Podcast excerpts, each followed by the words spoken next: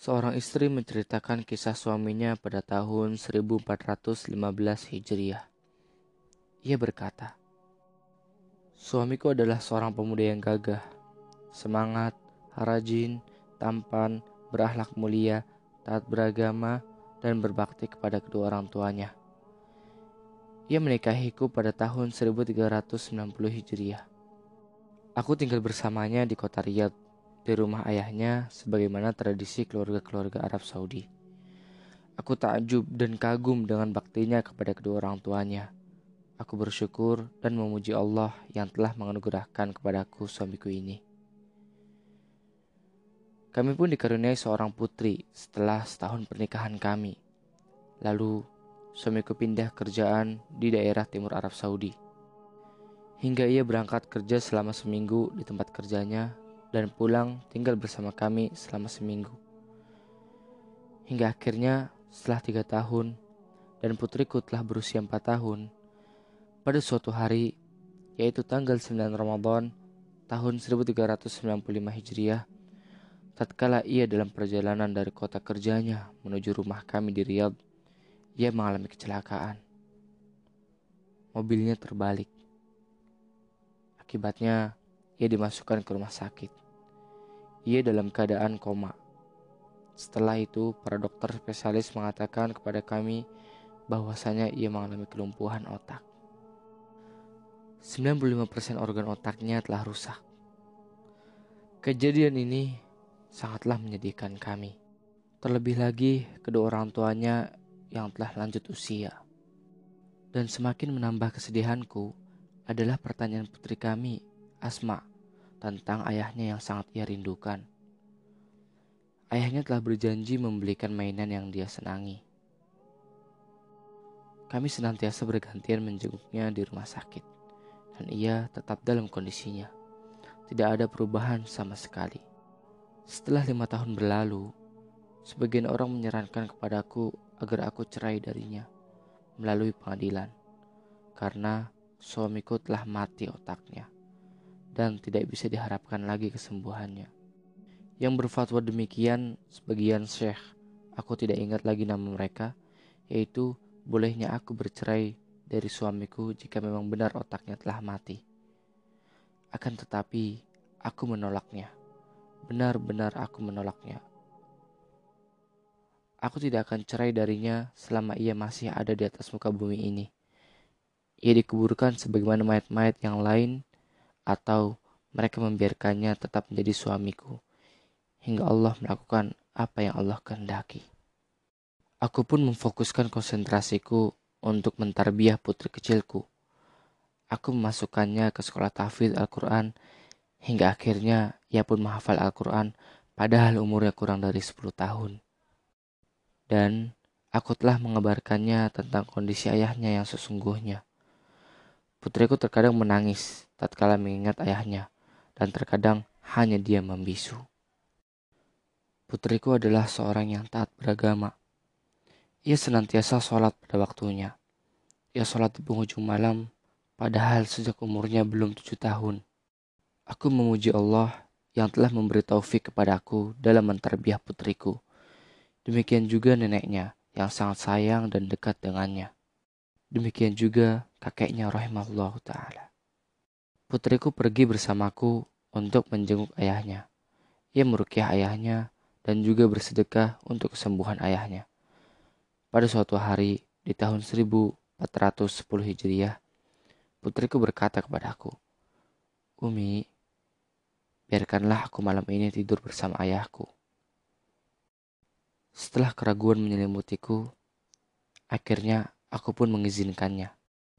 Putriku bercerita, saat itu, aku duduk di samping ayah.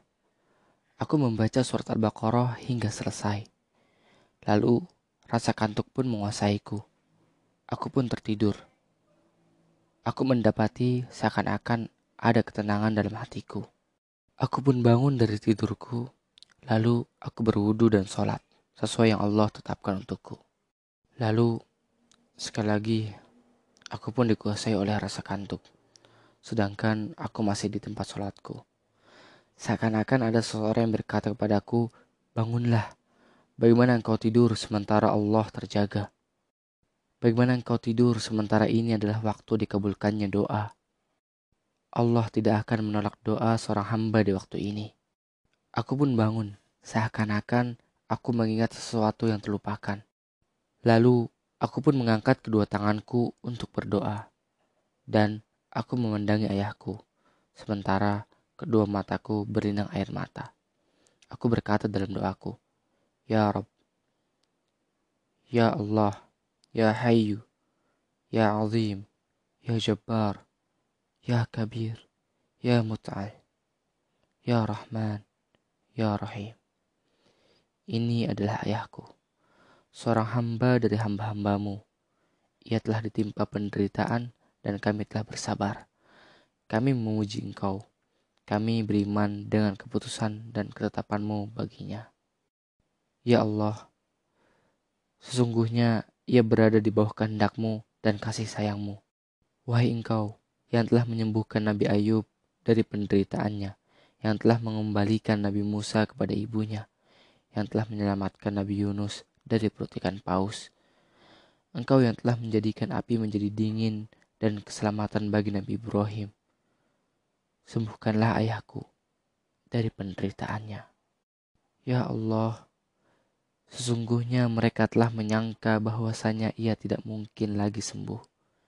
Ya Allah, milikmulah kekuasaan dan keagungan. Sayangilah ayahku, angkatlah penderitaannya. Lalu rasa kantuk pun menguasaiku, hingga aku pun tertidur sebelum subuh. Tiba-tiba ada suara lirih menyeru. Siapa engkau? Apa yang kau lakukan di sini? Aku pun bangun karena suara tersebut. Lalu aku menengok ke kanan dan ke kiri. Namun aku tidak melihat seorang pun. Lalu aku kembali untuk melihat ke kanan dan ke kiri. Ternyata yang bersuara tersebut adalah ayahku. Yang bersuara tersebut adalah ayahku. Maka aku pun tak kuasa menahan diriku. Lalu aku pun bangun dan meluknya karena gembira dan bahagia.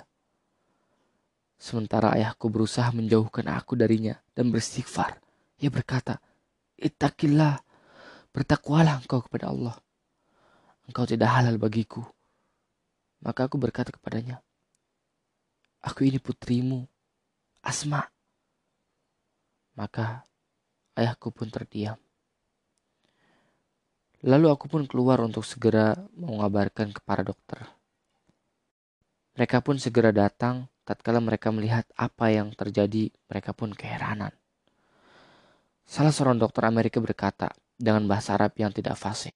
Subhanallah, Dokter yang lain dari Mesir berkata, Maha suci Allah yang telah menghidupkan kembali tulang belulang yang telah kering.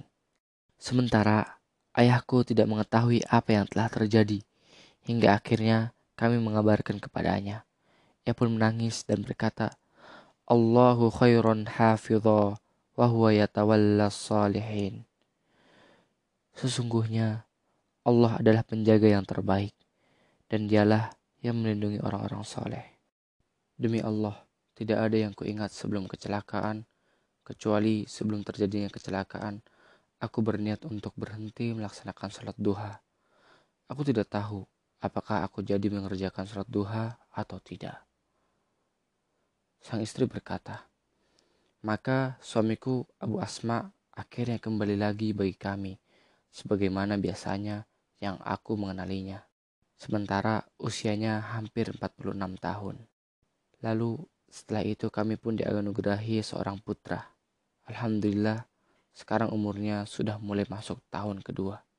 Maha suci Allah yang telah mengembalikan suamiku setelah 15 tahun, yang telah menjaga putrinya, yang telah memberi taufik kepadaku dan menganugerahkan keikhlasan bagiku hingga bisa menjadi istri yang baik bagi suamiku, meski ia dalam keadaan koma. Maka jangan sekali-kali kalian meninggalkan doa. Sesungguhnya tidak ada yang menolak kodo kecuali doa. Barang siapa yang menjaga syariat Allah, maka Allah akan menjaganya. Jangan lupa pula untuk berbakti kepada kedua orang tua. Dan hendaknya kita ingat bahwasanya di tangan Allah lah pengaturan segala sesuatu. Di tangannya lah segala takdir. Tidak ada seorang pun selainnya yang ikut mengatur. Ini adalah kisahku sebagai ibroh, sebagai pelajaran. Semoga Allah menjadikan kisah ini bermanfaat bagi orang-orang yang merasa bahwa seluruh jalan telah tertutup dan penderitaan telah menyelimutinya. Sebab-sebab dan pintu-pintu keselamatan telah tertutup.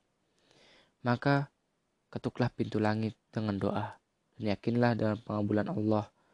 Demikianlah Alhamdulillahirrahmanirrahim. Wassalamualaikum warahmatullahi wabarakatuh.